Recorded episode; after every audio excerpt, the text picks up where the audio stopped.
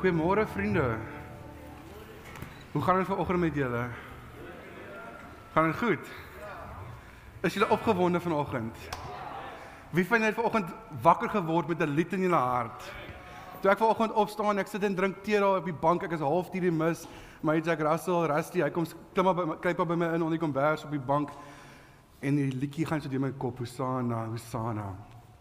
En dis minderlik wakker word met 'n lied in my kop. En vanoggend ek wakker word, toe is ek so opgewonde vir hierdie dag. So die van julle wat my nie ken nie, ek is Rian Leroux. Ek is die aanlyn predikant by die gemeente. En so nou en dan dan moet ek my gesig wys hier voor wanneer dit my beurt is. En vanoggend is dit vir my voorreg om hier voor julle te kan staan en die boodskap vanoggend vir julle te kan bring. Net seker maak my klikker is eers reg voor ek aangaan en kyk dat dit werk. So vriende, vanoggend soos julle weet is die opstandingsdag. En ek weet vir die res van die wêreld is dit net 'n Paasfees. 'n Paasnaweek, 'n lekker naweek om chocolates uit te deel, die kinders rondom en dit te geniet. Maar vir ons as kinders van die Here weet ons hoe belangrik vandag is. En vanoggend wil ek net graag ons weer herinner aan hoe belangrik die opstandingsdag is. Maar voordat ek aangaan, ek wil graag vir ons vriende aanlyn ehm um, hallo sê wat wat aanlyn ingeskakel is op YouTube. Baie welkom vanoggend saam met ons. Hierdie foto het Peer Toy vir my aangestuur. Hy wil my net vir my herinner, hy is met vakansie. Hy het 'n baie mooi uitsig oor die Brandvlei dam daarso. Maar Peer, dankie dat jy ons ook ingeskakel is, ja, in jou gesin. En dan Dominee Johannes nie vanoggend hier met ons nie. Dominee Johannes is bietjie met vakansie. Hy is in Els in 'n Maybe op die oomblik daar by die Banhof Hotel. Ek sou graag vir hy stuur vanoggend vir 'n video klip het ehm um, opvang se kry. Daar's 18 bakkies wat dan die woestyn ingaan. So hulle het oomblik nie sy nie. Hulle vir die volgende 5, 6 dae in die woestyn ehm um, agter Sossus vlei teen die kus op die Diamantgebied op en daar kan jy sien so vinnige kaartjie as hier klikker gaan werk. Dink jy syne is dalk so goed hier daar is hy nou. So hulle beweeg daar op so Damian geniet homself waar hy nou is en hy het net vir my video klip gestuur en dit lyk nogal baie lekker. Ek moet sê ek wens ek kon daar gewees het. Ek het laas jaar my beurt gehad. So hierdie jaar is dit sy beurt. My pa het hom saamgenooi. So ek hoop dat hy regtig gaan geniet. Nou vriende, vir oggend is die tema 'n lewe na die graf. En ek wil graag 'n bietjie gesels vanuit Johannes hoofstuk 20 en 21.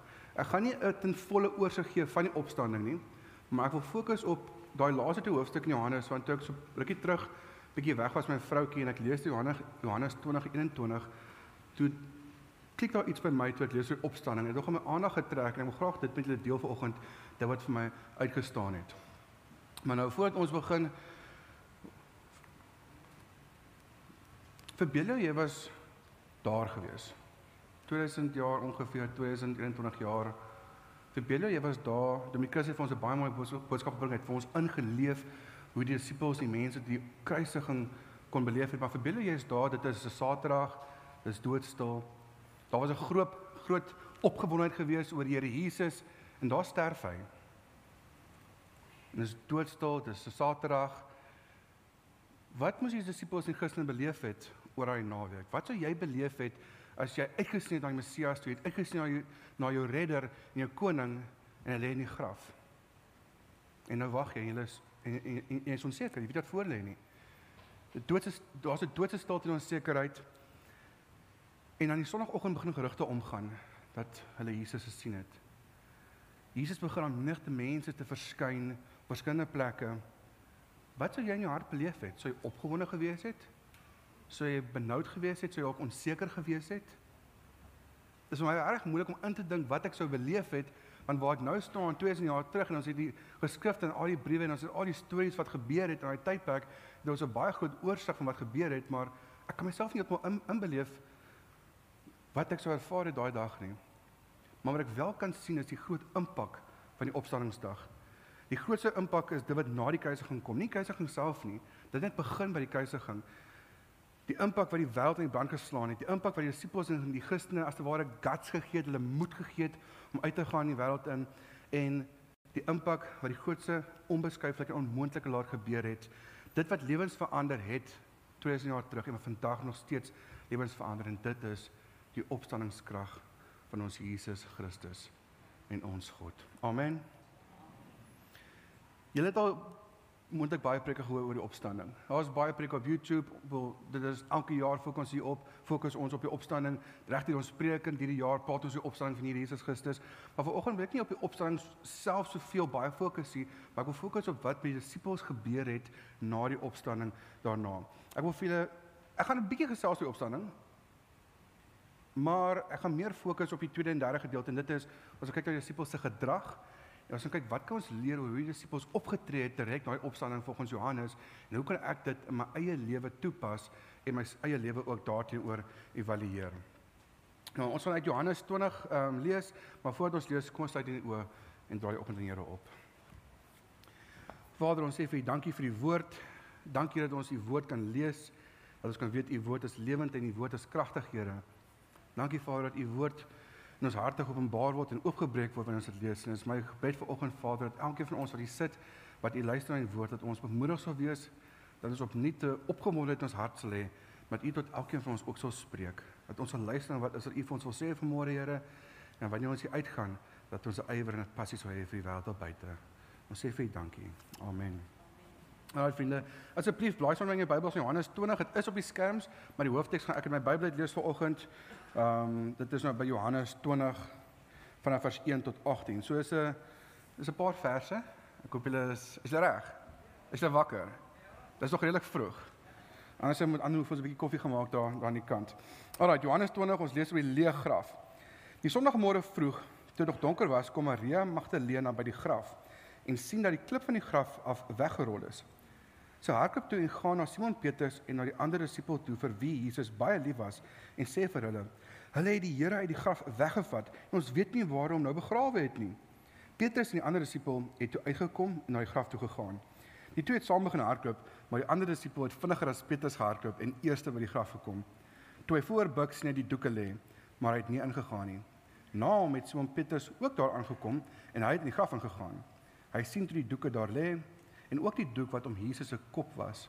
Die doek het nie by die ander doeke gelê nie, maar was eenkant afsonderlik opgerol. Daarna het die ander disipel wat eers by die graf gekom het, ook ingegaan en hy het dit ook gesien en geglo. Hulle het nog nie die skrif verstaan dat Jesus uit die dood moes opstaan nie. Daarna het die disipels weer huis toe gegaan. Maar Maria het buite by die graf bly staan en huil. Terwyl sy huil, het sy vooroor gebuk om die graf in te kyk. Toe sien sy twee engele met wit klere aan daar sit waar die liggaam van Jesus gelê het, een waar die kop en een waar die voete was. Hulle vra toe vir haar: "Mevrou, waarom huil jy?" Sy antwoord hulle: "Omdat hulle my Here weggevat het en ek nie weet waar hom nou begrawe het nie." Nadat sy dit gesê het, het sy omgedraai en vir Jesus daar sien staan, maar sy maar sy het nie geweet dit is hy nie. Jesus vra haar toe: "Mevrou, waarom huil jy? Vir wie soek jy?" Sy het gedink dit is die tuinopsigter en sy het hom gesê: "Meneer, As u hom weggevat het, sê vir my waar u hom begrawe het en ek sou hom daar gaan haal. Jesus sê vir haar: "Maria." Sy draai na hom toe en sê in die broers vir hom: "Rabboni," dit beteken leermeester. Jesus sê toe vir haar: "Moet my nie vashou nie, want ek het nog nie na die Vader toe opgevaar nie, maar gaan na my broers toe en sê vir hulle: Ek vaar op na my Vader toe, wat ook julle Vader is, na my God, wat ook julle God is." Maria Magdalena het toe vir die disippels gaan sê: "Ek het die Here gesien." En sy het ook vertel wat vir haar gesê het, wat hy vir haar gesê het. Hierdie is my so kosbare gedeelte hier so in Johannes 20 en ek kan myself amper inleef wat Maria beleef het in die eerste twee apostels of disciples. En ek wil gou vinnig weer die storie gou vinnig weer oor gaan. So dis vroeg die sonoggend. Maria hardloop na die graf toe, sy soek vir Jesus, sy vind 'n leë graf. En sy's angstig, sy's benoud want want sy dink hulle het die Here se liggaam gesteel. En Jesus verskyn aan haar, die twee engele en nee, sorry, is nou die tyd. Sy sien die leeggraf, sy hardloop en sy gaan vertel vir Petrus en vir Johannes. En dis baie interessant dat Johannes dit noem dat Johannes het vinniger as Petrus gehardloop. Ek weet nie hoe dit noem nie, maar hulle begin hardloop by die graf toe en Johannes hardloop vinniger. Hy kom eers daar aan. Johannes stop by die graf en hy kyk in en hy staan weer terug. Hy wil nie ingaan nie. En Petrus, tipies soos Petrus, as hy kom aan en hy hoor reg uit in die graf en hy wil kyk wat gaan aan. Petrus het baie dink aan my ander Jack Russell, weet hy's vol passie, vol energie, baie impulsief en dis tipies van Petrus. En Petrus gaan in, hy sien die leë doeke daar lê en Johannes kyk ook, hy moet by mekaar en Johannes gaan in saam met Petrus en hy sien die doeke wat ook daar lê en ons sien dat hy gesê het hy het geglo. Hulle is daar weg. Maria bly agter, sy huil, sy sien die twee engele. Sy draai om, sy trane na oor terwyl sy Jesus sien, maar sy besef eers nie dis Jesus nie of nou is omdat dit trane haar oë um toegemaak het of Jesus het van haar af, van haar afweerhou het, dit weet ek nou nie, maar iets is my baie mooi in hierdie oomblik. Jesus wat Jesus eerste aan Maria verskyn. Maria het altyd Jesus gesoek. Maria het Jesus het die demone uit Maria uitgedryf. Sy is baie lief gewees vir die Here Jesus. Hy het haar lewe gered. Sy was daar gewees by die kruisiging en nou is hy dood. Hy lê in die graf en terwyl die disippels almal weg is en wegkruip en waar hulle self bevind, gaan Maria en sy gaan na die graf toe want sy wil graag naby Jesus wees. Omdat Maria heeltyd Jesus gesoek het, dink ek en is dit 'n vermoede, dink ek hy het dalk eers daarna voorgestel. In Spreuke 8 vers 17 lees ons ek het die lief wat my liefhet en die wat my soek vind my. Dit is net 'n baie mooi gedagte dat Jesus homself aan Maria wat hom gesoek het en gesoek het, eerste ehm um, gewys het na sy opstanding.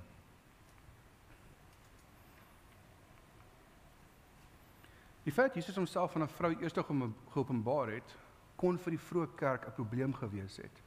En ek gaan 'n bietjie later uitbrei nou vanoggend in die boodskap hieroor, want baie mense sou sê ja, maar jy weet dis opgemaakte stories en jy weet ons al wat mense al gesê het ja, hulle glo nie in die Bybel nie, hulle glo nie die opstanding en so voort nie. Ehm um, maar die feit Jesus en 'n vrou homself eers op hom geopenbaar het, sê vir ons dat dit nie opgemaakte stories was nie. En ek gaan nou-nou vir julle verduidelik hoekom ek ehm um, dit sê.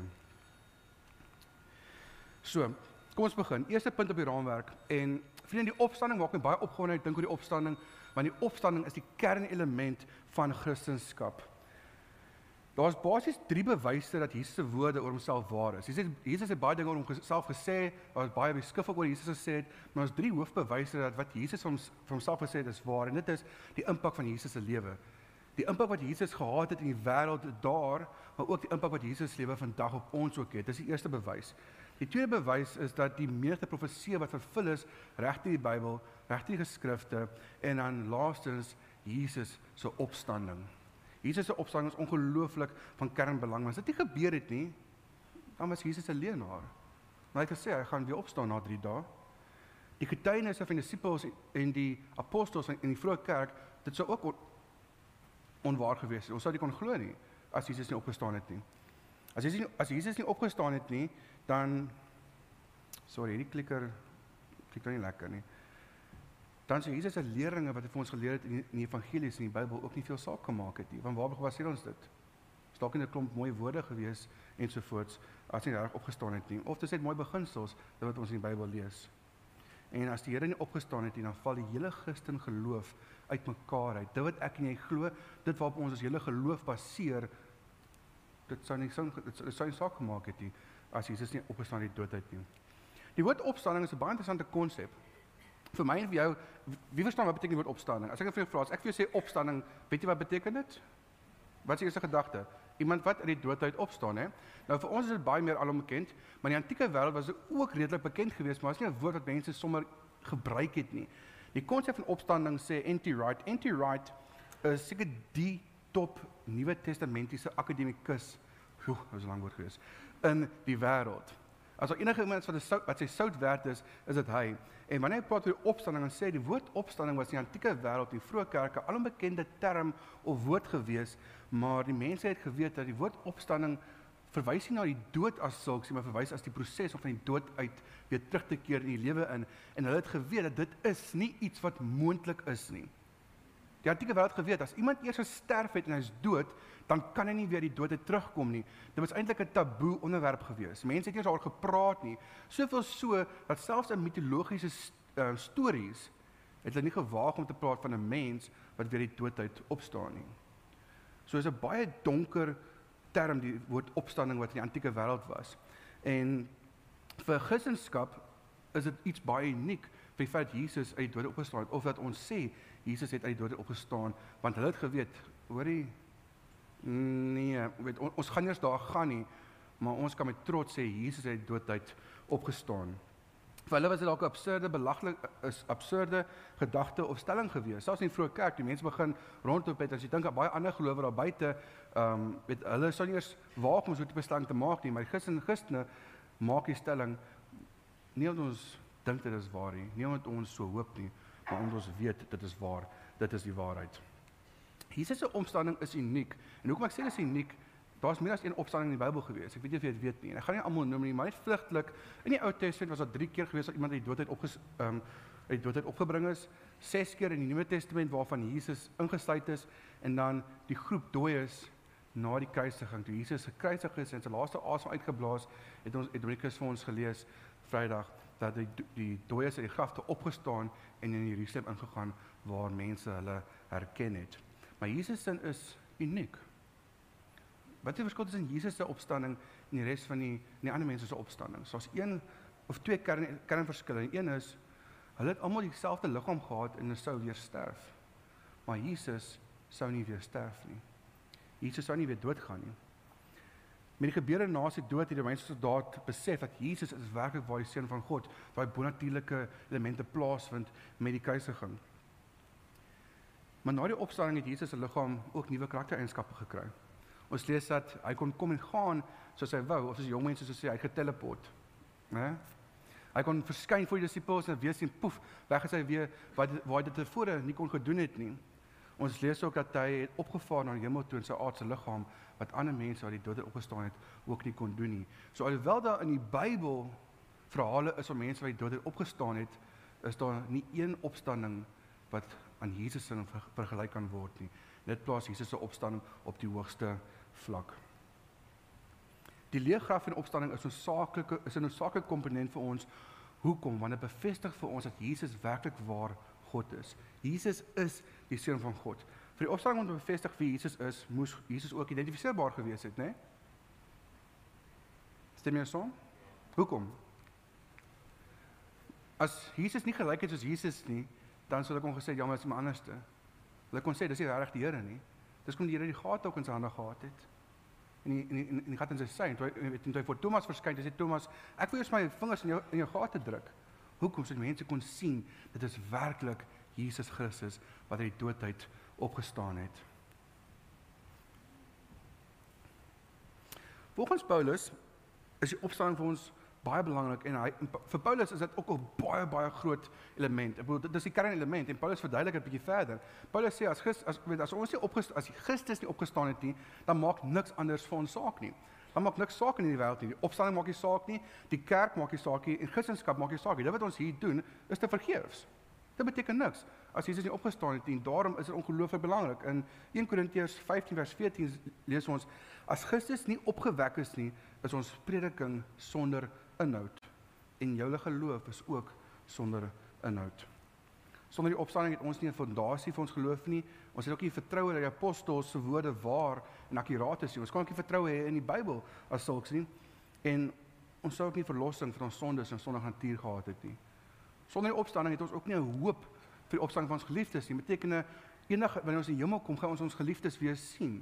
Al ons vriende en familie, almal wat afgesterf het, gaan ons eendag weer sien in die hemel en ons kan 'n hoop hê daarin. Dit is hoekom wanneer ons begrafnisse hou, dan is ons eintlik bly. Vir as ons as ons weet persoon is 'n kind van die Here, dan kan ons met blydskap iemand afstaan in die dood, want ons weet ons gaan hulle weer eendag sien. Dis 'n hoop wat ons het, maar daai hoop val weg as die Here Jesus nie uit die dood opgestaan het nie. Natuurlik ook die hoop op die ewige lewe in die hemel saam met die Vader. Paulus het 'n baie mooi woord wat hy sê. Hy sê as ons net vir hierdie lewe ons hoop op Christus op Christus vestig, dan is ons die mees bejammerenswaardigste van alle mense. As Jesus nie opgestaan het nie, dan is Christene die in Engels the most pitiful human beings. As 'n kwessie van ag shame. Weet jy, want sonder Christus se opstanding, wat doen ons hier? Ons doen eintlik niks nie. Ons het baie stories ons mooi Bybel en alles, maar as Jesus nie opgestaan het nie, dan kan ons daai woord nie anker op die waarheid nie. En daarom is dit baie baie belangrik. En julle hoor, ek herhaal hierdie oor en oor en oor en ek het 'n punt wat ek wil maak net nou. Die opstanding van Here Jesus Christus is ook die middelpunt van ons nuwe van die Nuwe Testament se teologie en die leringe. Dis die fondasie waarop die evangelie rus, die goeie nuus, ons hoop ons redding. Dis waarop die woord in ons lewens gevestig is en die opstanding dit gee vir my en jou, dit gee ons lewe dit gee vir ons impak en dit gee vir ons ook betekenis.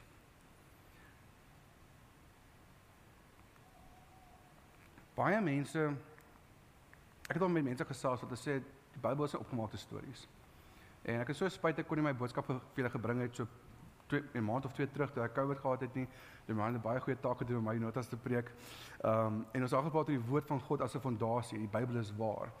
En vir my persoonlik die hoofkernelement hoekom ek my vertroue op die woord van God kan plaas is omdat ek weet dat die ooggetuies waar is. Die ooggetuies is akuraat. Die mense wat daar was wat Jesus gesien het en vir my is dit 'n bevestiging om te weet dat ek kan vertrou wat in die Bybel gestaan is.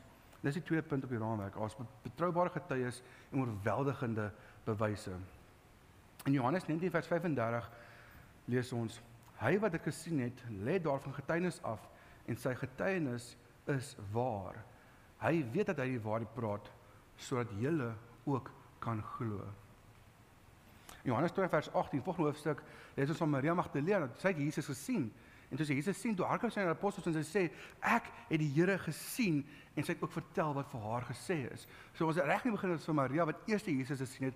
Sy hardloop, sy vertel, maar dan skryf Johannes en hy sê, "Ek het die dinge ook gesien en wat ek skryf is waar." Hy lê getuienis af daarvan. Nou Johannes, hy maak 'n eintlik 'n baie sterk stelling want hy sê sy getuienis is waar. As ek as jy nou hof en verskyn en jy moet 'n getuienis gee, dan gaan jy gaan jy jok in die hof? Nee, gaan nie. En jy moet baie seker wees van jou saak. En Johannes staan op en hy sê wat ek sê is waar. Ek was daar gewees. Ek het dit gesien. Ek was teenwoordig gewees. En dit dra soveel krag by tot sy getuienis. Maar as net een getuienis was, dan kon ons dalk sê persoon opgemaak, né? Nee? As een persoon net toe kom en sê ek het iets gesien, dan kan jy hom dalk twyfel. As 'n twee persone toe kom en sê hoor ek het dieselfde ding gesien, dan gaan jy dink, "Oké, okay, daar's dalk waarheid daarin." Maar as 'n klomp mense na jou toe kom en sê, "Hoor jy ek het dieselfde ding gesien," gaan jy oortuig wees. Gaan jy rede hê om om te om te om te om te glo dat wat hulle sê is waar, né? Nee? Vir my is dit definitief so. Johannes was immers persoonlik teenwoordig gewees en hy is iemand wat die brief skryf en hy skryf vir ons die evangelie van Johannes en daarom lê daar krag in die menigte ooggetuienis wat teenwoordig was. In 1 Korintiërs in 1 Korintiërs 15 vers 5 skryf Paulus en hy gaan aan oor die opstanding van Here Jesus. Hy sê hy en dis nou Jesus. Hy het ons Sefas verskyn, daarna aan die 12 en daarna aan meer as 500 broers te gelyk, van wie sommige al dood is, maar die meeste nou nog lewe.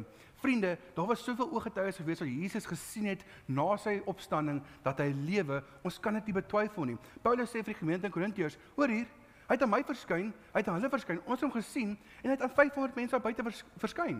As jy my nie glo nie, gaan vra vir hulle. Dis wat hy sê.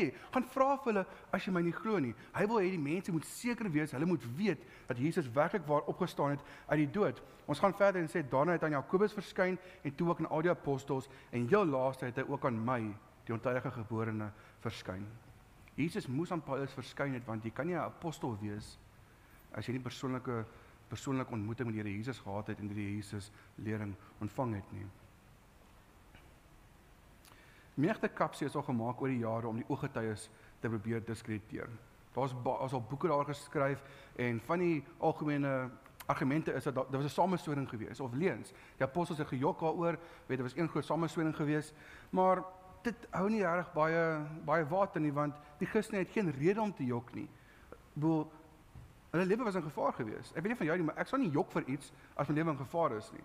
As ek weet ek kan doodgemaak word vir iets en ek jok daaroor, mag ek baie vinnig die waarheid praat, né? En dis selfs hierso gewees. Die, disippels, hulle vind ook nie persoonlik baat daarbey om te kon jok nie.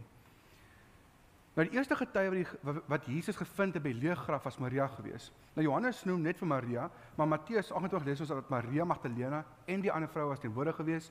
Ons lees in Markus 16 dat Maria en nog 'n Maria en Salome was daar gewees en dan ook in um, Lukas lees ons dat Maria, Johanna, Maria en nog vroue was teenwoordig gewees. Nou daar was nie net Maria gewees wat hom eers gesien het, daar was 'n paar vroue saam gewees. En Johan het laas Sondag vir ons mooi verduidelik oor die verskillende aspekte, hoekom die verskillende evangelies dalk verskil op van die onder van die ehm um, besonderhede. En baie mense wat kapsie maak en sê ja, maar Johannes doen dit alles nie. sien hulle stem nie ooreen nie. En daarom is dit nie betroubaar nie. Maar dit is 'n swak argument om te maak. Het julle geweet 'n vrou kon nie 'n getuienis aflê in die hoof in die vroeë kerk nie? vroue se getuienis was gesien as 'n baie lae gehalte um bron van getuienis en ek ek weet nie hoekom dit was die sosiale omstandighede gewees van daardie tyd. So as die disippels wou jok oor die opstanding van Here Jesus, dan sou hulle dit geskryf het dat Jesus eers aan 'n man verskyn het, nie aan 'n vrou nie. Dit sou baie meer gewig gedra het. Geen persoon in die vroeë kerk in daai tydperk sou gejok het deur te sê Jesus eers aan 'n vrou verskyn. En dit dra by tot die en dit dra by tot die krag van die evangelie veral in daardie tydperk. Maar vir my is dit 'n baie mooi gedagte dat Jesus aan 'n vrou eers verskyn het. Dit dra by tot die hele ek het nou gesê Jesus is lief gewees vir Maria en weet en sy het Jesus gesoek en hy het eers aan haar verskyn. Dit wys my daai daai verhouding wat hy ook met ons het. Daar's 'n boek Evidence at a Man's Verdict. En indien dit jou dalk belangstel, ek gaan nou-nou hieroor praat en dit is amper soos 'n case for Christ. Dit is 'n baie dik boek en al die navorsing, al die geskiedenis van die Bybel, buite Bybelse bronne, alles is daarso wat vir jou kan wys dat Jesus Christus werklik waar die seun van God is, dat hy reg opgestaan uit die dood. En as jy enige onsekerheid het in terme op 'n intellektuele vlak, is dit 'n baie goeie boek om te gaan lees. Nommer 3. Wie was Jesus? Jesus was 'n wonderwerker gewees voor die opstanding en was ook 'n wonderwerker gewees na die opstanding. Ons lees Johannes 20 vers 30. Jesus het nog baie ander wondertekens Um Jesus het nog baie ander wondertekens wat nie in hierdie boek beskrywe is nie voor sy disippels gedoen. Daar is nog baie ander dinge in in Johannes 21 vers 25. Daar's nog baie ander dinge wat Jesus gedoen het, maar as er een vir een beskryf moet word, dink ek sou die hele wêreld nie genoeg plek vir die boeke gehad het nie. Dis 'n mooi gedagte daai. En ek wens ons kon meer van al daai wonderwerke gelees het, want wanneer ons lees oor die wonderwerke, dan bevestig dit ons geloof in die Here Jesus. Dit bou ons op. Jesus was bekend gewees as 'n wonderwerker reg deur die evangelies voor sy kruisiging. Hy was bekend gewees dat hy dooes laat hoor het. Hy was bekend gewees dat hy blindes laat sien het. Hy was bekend gewees dat hy vermeerdering van die brood en die visse is, dat hy mense wat siek was gesond gemaak het en dat hy ook dooies uit die dood uit dat opstaan het. Hy het mense bevry van demone. My grootste wonderwerk wat Jesus gedoen het, was enig van daai dinge nie. Dit was die opstandings wonderwerk. Die opstanding was die grootste wonderwerk wat Jesus gedoen het. En dis een ding om iemand wat in dood is uit die dood uit op te wek as jy daar as jy lewendig is.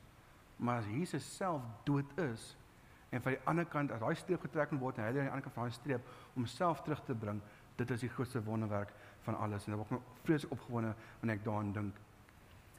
Johannes, wanneer hy die brief van Johannes skryf, het hy baie selektief die wonderwerke van Jesus um uitgekies. Want hy wil vir ons wys dat Jesus werklik waar God is.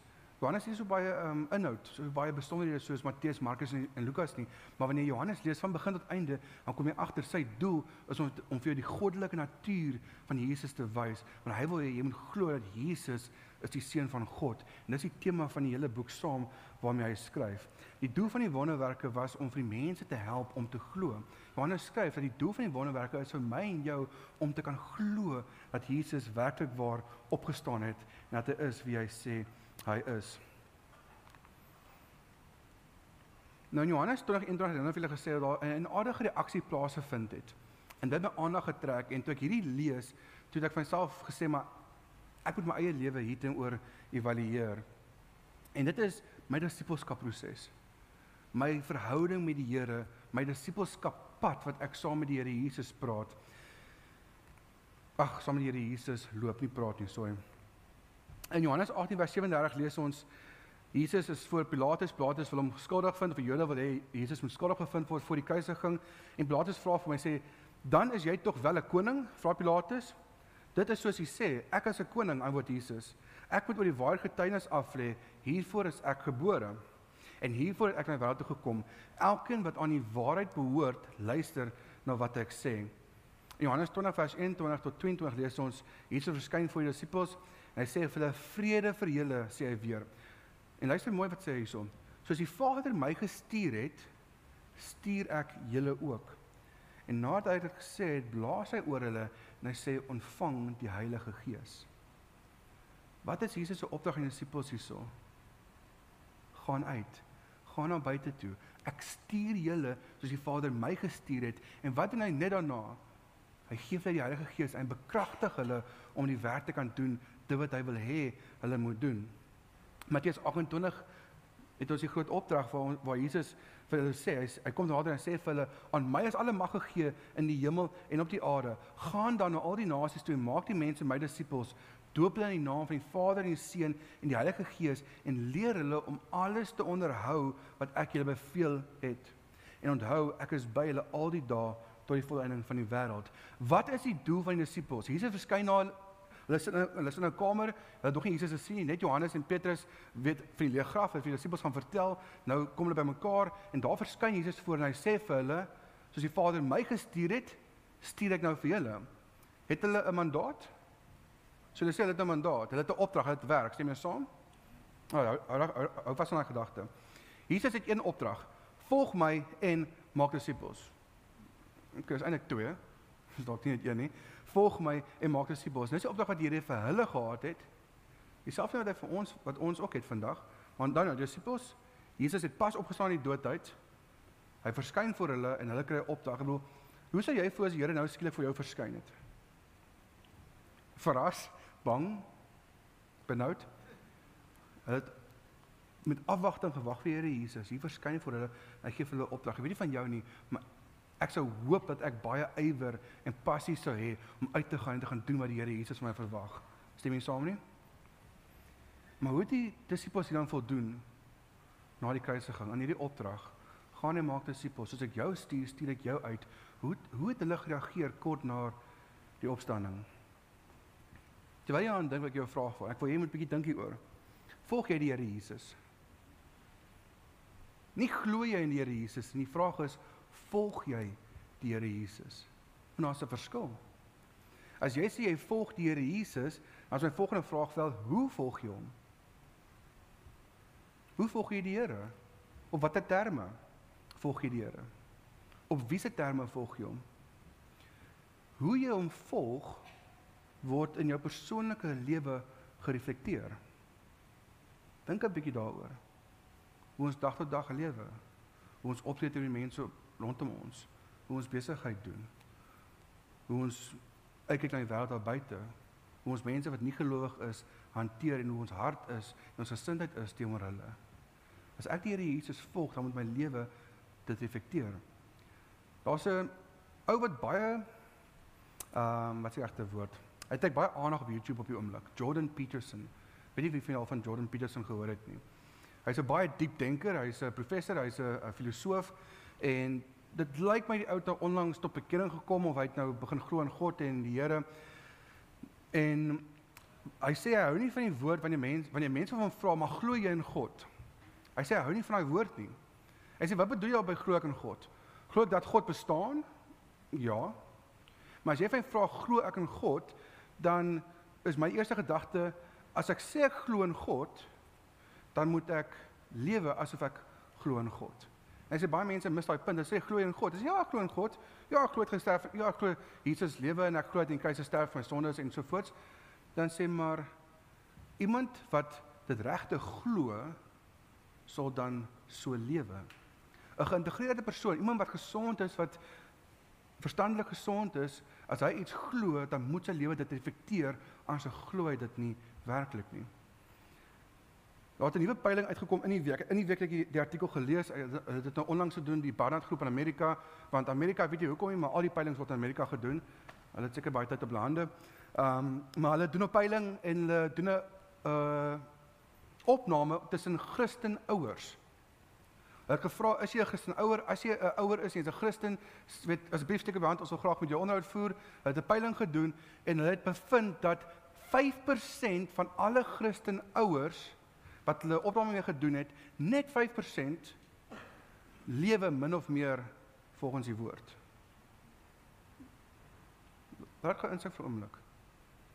Vir almal wat gesê het hulle is Christen ouers, net 5% lewe op so 'n manier dat hulle 'n Bybelse uitkyk, 'n Bybelse morele uitkyk het op die wêreld en dat hoe hulle dag tot dag lewe en optree teenoor die mense mense om hulle dat dit in lyn is met die woord van die Here. En ek gaan studie verder en sê die kinders het die tydskrisis want hulle sien hulle ouers, hulle ouers sê hulle is Christene, maar hulle ouers lewe nie soos Christene nie. Toe ek dit lees, het ek reg geskrik want ek het nie gedink dit is so erg nie. Maar as ek net dink daaraan ek is 'n kind van die Here, ek is lief vir die Here. Maar baie keer maak ek foute. Baie keer praat ek 'n bietjie hard teenoor my vrou, dan moet ek jammer sê vir haar. En dan wys sy vir ek dat ek verkeerd was. Baie keer is ons nie so vriendelik met almal nie. Baie keer weet doen ons iets verkeerd, ons doen 'n oomblik van swakheid, tree ons dalk verkeerd op. Maar dan moet ons gaan jammer sê, ons moet gaan regmaak. As ek jammer sê ek kan doen en ek kan regmaak, my trots kan sluk, dan wys dit dat ek lief is vir Here Jesus. En ons is nie perfek nie. Maar 5 dit beteken 95% van Christen ouers lewe nie soos Christene nie. En dan praat ons nie eers van al die ander mense wat nie Christene is nie. Daarom is disippelskap ongelooflik belangrik. Ek en jy moet seker maak as ek sê ek glo in Here Jesus Christus, as ek sê hy het opgestaan uit die dood uit, dan moet ek 'n lewe lewe wat dit reflekteer daar buite. Paulus skryf in Korintiërs 11 en hy sê volg my voorbeeld soos ek Christus volg. Ek moet vir jou kan sê volg my voorbeeld Tony soos ek Jesus se voorbeeld volg. Jy moet vir mense om jou kan sê, "Hey, volg my voorbeeld soos ek Jesus volg." En ons gaan nie 100% heeltemal reg kry nie, maar dit is nie ek wat reg kry nie, dis die Heilige Gees binne in my wat dit reg is. Die Heilige Gees wat my help om daar te kom. Jesus sê dat sy skape luister na sy stem. My vraag is, luister jy na die Here se stem?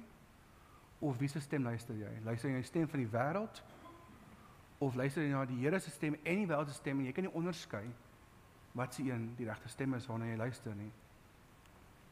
Johannes 21 vers 15 tot 19 word Petrus se roeping bevestig en punt 4 en punt 5 moet eintlik omgedraai wees as ek nou gaan volgens die hoofstuk, volgens die verse, maar ek wil die punte um, verduidelik en ek sou sê hoekom. Johannes skryf dat Petrus hulle is voor die Here, hulle is op die strand. En Jesus kom na Petrus toe en hy sê vir Petrus: "Petrus, het jy my lief meer as die mense hier om jou?" En hy sê: "Ja, Here, ek het U lief."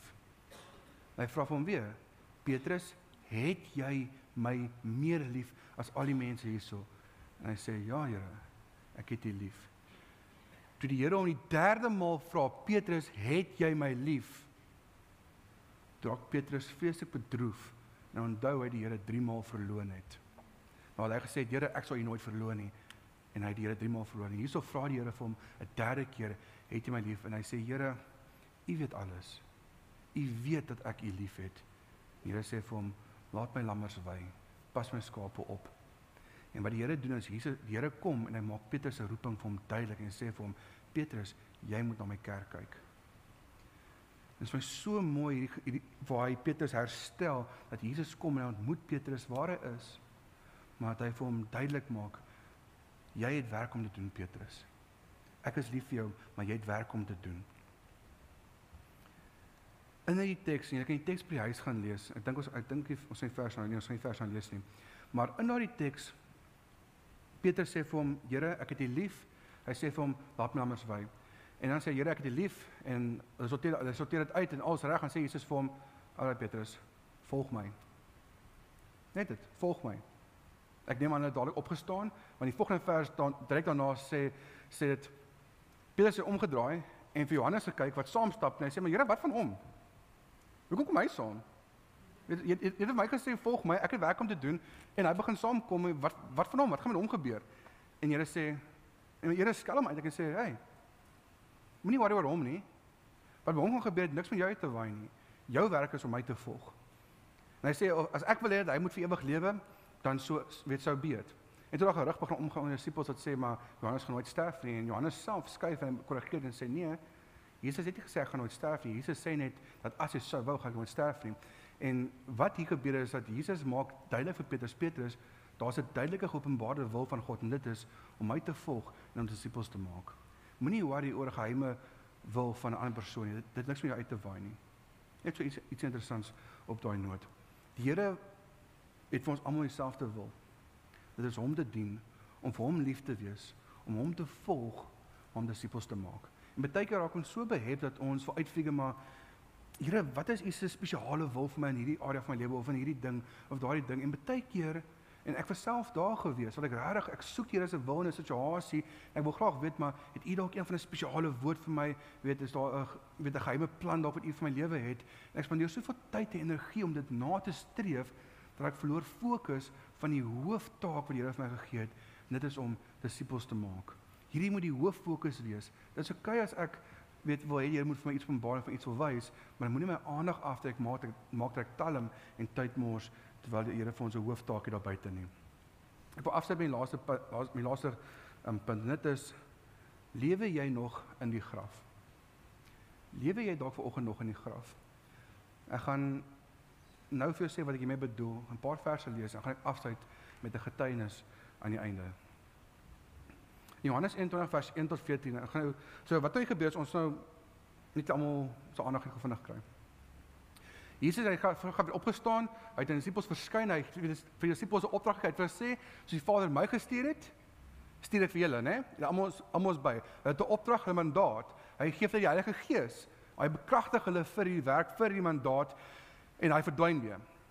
Wat doen die disippels? 8 dae later kom hulle weer bymekaar En Thomas verskyn en en hy vertel vir Thomas Thomas hy nee, ek glo dit, ek wil dit self sien en Jesus verskyn, hy druk sy hande in sy vingers en sê ek glo. Jesus sê vir hom wel, weet gesien is die wat glo sonder om te sien.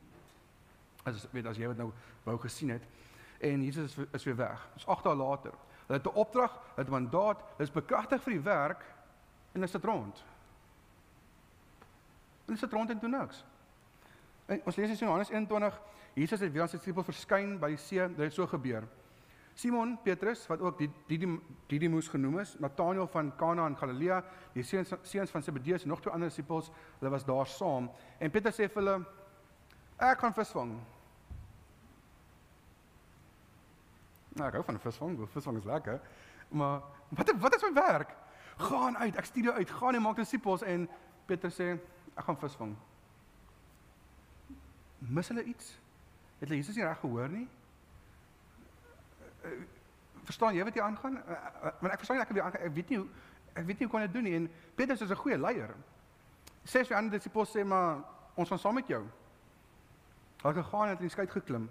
Maar daardie nag het niks gevang nie. Dit is eintlik ironies. Hulle moet die werk van die Here doen. Hulle gaan doen iets wat nie van selfs moet doen nie en dit werk ook nie uit nie. Toe daar lig was die volgende dag, het Jesus daar op die stand gestaan, maar die disippels het nie geweet dat hy is nie. Jesus vra toe vir hulle: "Mense, het julle nie iets gevang om te eet nie. Nie antwoord hulle hom. Hy sê toe vir hulle: "Gooi die net aan die regterkant van die skei uit, dan sal julle iets kry." Hulle het die net toe daar uitgegooi en vanweer die groot klomp vis kon hom nie weer intrek nie. Die disipel en hier so kosbaar. Die disipel vir wie Jesus baie lief was, sê toe vir Petrus: "Petrus, dis die Here." En Petrus draai om, hy trek sy hemp aan en hy spring in die water om na Jesus toe te gaan. Is dit nie kosbaar en wonderlik hoe opgewonde Petrus is elke keer wanneer hy in teenwoordigheid van die Here is nie. Ons lees hy het um, gehoor as die Here het sy hemp aangetrek want sy bolyf was skaal en het in die water gespring. Hulle was nie ver van die land af nie, net omtrent 100 tree. Die ander disippels het by 'n skuitjie gekom en die net met die visse saamgesleep. Toe hulle aan land kom, sien hulle 'n vuur brand en 'n stuk vis wat daarop lê. Daar was ook brood gewees. Jesus sê toe vir hulle: "Bring van die vis wat julle nou net gevang het." Simon Petrus het tot die skei geklim en het net op die land getrek. Daar was daar was vol groot visse, 153. En en alhoewel daar so baie was, het die net nie geskeur nie. Toe sê Jesus vir hulle: "Kom eet." Nie een van die disippels het so ver gekom om hom te vra: "Wie is u nie?" want hulle het geweet dat dit die Here is. Jesus kom toe, neem die brood. Ekskuus tog. Jesus kom toe, neem die brood en gee vir hulle net so ook die vis. Dit was al die derde keer dat Jesus aan sy disippels verskyn het nadat hy uit die dood uit opgewek is. Net daarna vra Jesus Petrus, Petrus, het jy my lief? Petrus, het jy my lief? Petrus, het jy my lief? As jou antwoord ja is, dan sê die Here, volg my. Die disippels het 'n opdrag gehad en 'n mandaat. Ken jy, kom ons vang opkom asseblief. Die disippels het 'n opdrag en 'n mandaat gehad van die Here, maar het getalm. Hulle tyd gemors het rondgehang. Hulle het nie die tyd benut wat hulle gehad het nie.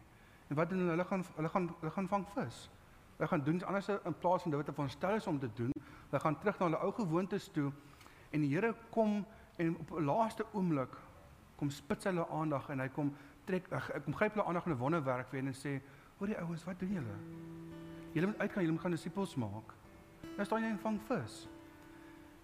Wat daarna gebeur het, het die wêreld aan die brand geslaan. Iets het daai oggend op die strand by die disippels geklik.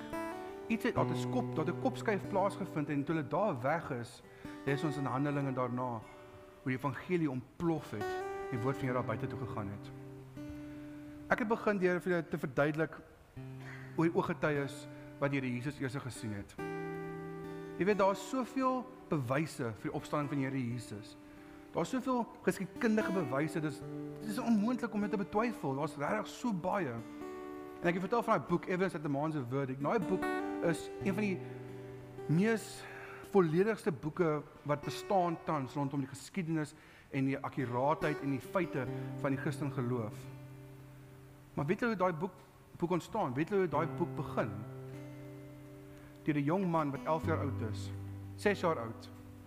'n Jong man wat 6 jaar oud is op 'n plaas. Hulle uh, hy sê in Engels, hy sê we were commoners. Sy pa was 'n dronkaard gewees wat sy ma elke dag pap geslaan het op die plaas. Dat sy ma in die geet lê in die kweemis. Die butler op die plaas het hom op 'n ongewenste manier mishandel. 6 jaar oud. Toe hy 11 jaar oud is en wil sy ma vertel van wat die butler met hom doen, toe skel sy ma hom sê ek glo jou nie. Moenie moenie moenie jok nie. Hier's 'n jong man, 11 jaar oud. Sy lewe is stikkend. Hy het 'n behoefte aan die Here. Hy het 'n behoefte aan om te weet wat is sy doel in die lewe? Wat is sy identiteit? En die inding daai was gewees om kerk toe te gaan. So hy het kerk toe gegaan. Hy het alles gegee want hy wil graag weet wie is ek? Wat is my doel? Wat moet ek bereik in die lewe? Hy gaan kerk toe en hy sê hy het slegte gevoel in die kerk as buite die kerk. En hy het op kerk toe gaan. Hy sê die meeste wat hy die kerk uitgekry het was as die 10de busie verbykom want hy geld uitgehaal vir milkshakes. 11 jaar oud. Hy begin sy aansien soek in mense. Hy begin sport najag. Hy word 'n sterk man. Hy sê hy wil eendag sterk word. Hy het sy pa gesê ek gaan jou eendag doodmaak. As van wat jy aan my ma doen. Hy word groot met met die haat in sy hart. Hy gaan universiteit toe. Almal hou van hom. Hy's die populairste ou op universiteit. Hy's op die studenteraad en hy het die bravade wat hy opsit, maar hy loop met hierdie pyn in sy hart, met hierdie ongelukkigheid, met die donkerte. En hy soek vervulling daarvoor, hy kan dit nie vind nie. En hy sien daar's 'n groepie mense op kampus, 8 jong mense, ag studente en twee professors. En hy sê maar iets anders dan hulle. En hy stap oor na na hulle toe by die kafeteria eendag en hy sit en gesels met 'n jong dame en sê: "Hoekom is jou lewe anderste? Jy lyk altyd so gelukkig." En sê sy eenvoudig twee woorde: Jesus Christus. Hy het agteroor sy stoel gelê en sê: "Ag, maar moet daai nonsens my begin nie. Ek het genoeg gehad van wat wat in Afrikaans word vir religion. Van, van godsdienst." En sy sê: "Ek het nie gesê godsdienst nie. Ek het gesê Jesus Christus. Hy sê niemand daai dinge dis nonsens. Sy sê van wel jy's mos 'n slim man. Jy's swart om prokureur te word. Wys ons verkeerd. Daag jou uit, wys ons verkeerd. En hy stop sy studies net daar en begin deur Europa toe na al die groot biblioteke in die land en begin navorsing doen oor Jesus Christus en die opstanding. Hy wil vir hulle bewys dat hierdie Bybel is verkeerd. Hy wil vir hulle bewys dat wat hier staan is nie waar nie en vir 'n lang tydperk doen navorsing en hy kry al die uitknipsels en begin al die inligting bymekaar sit want hy wil skryf en vir hulle wys Christendom is dis dis 'n foefie. Hy sê hy sit eendag in 'n kafeteria van 'n biblioteek in Europa. Hy sit so agter op sy stoel en hy sê: "Here, dis waar. Dis waar. Ek kan dit ek ek ek kan ek kan nie meer strei nie. Ek kan nie beklei nie, Here. Die bewyse is daar. U het werklik uit die graf uit opgestaan.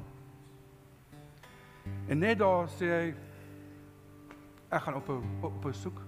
Ek gaan op beklei want die bewyse is hierso. Maar weet julle wat? Hy het nie die Here begin dien nie. Hy het op 'n intellektuele vlak het hy geweet dat die opstanding is waar Here Jesus is wie hy is. Hy's werklik waar die seun van God, maar hy het hom nog nie begin dien nie.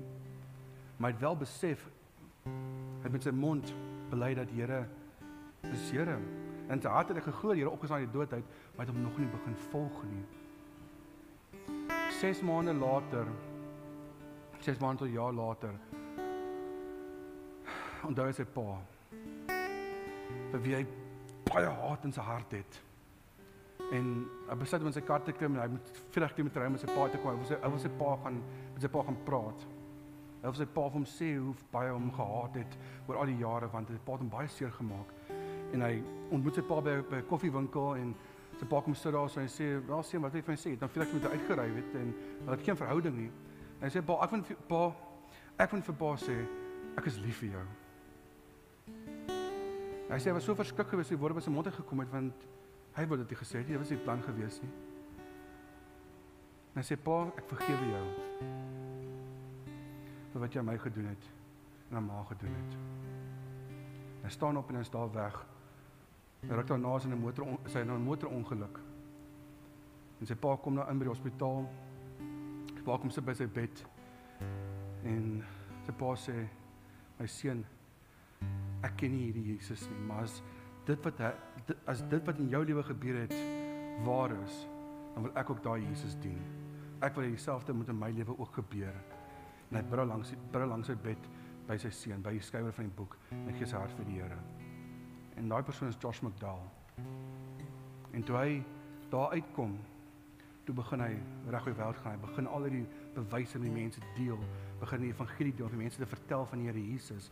En toe skryf hy hierdie boek, 'n boek wat bedoel was om Christendom verkeerd te wys.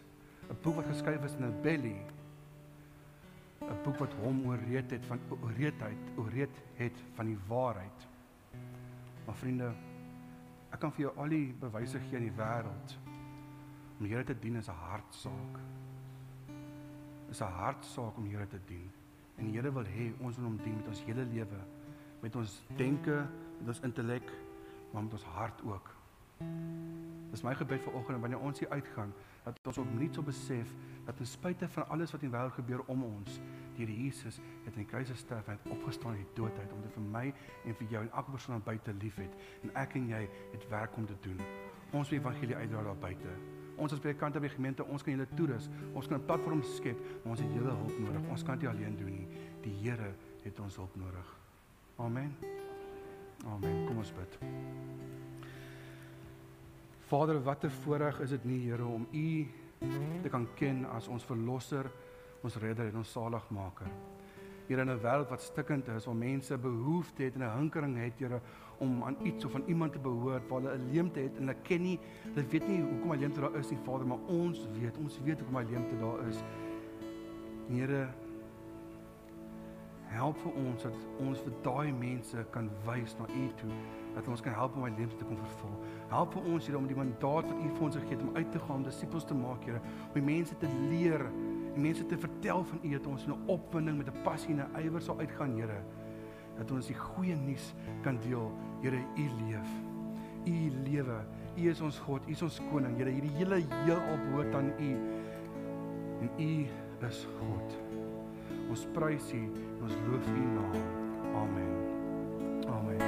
Vriende, kom ons staan en sing ons die laaste lied saam met die orkes.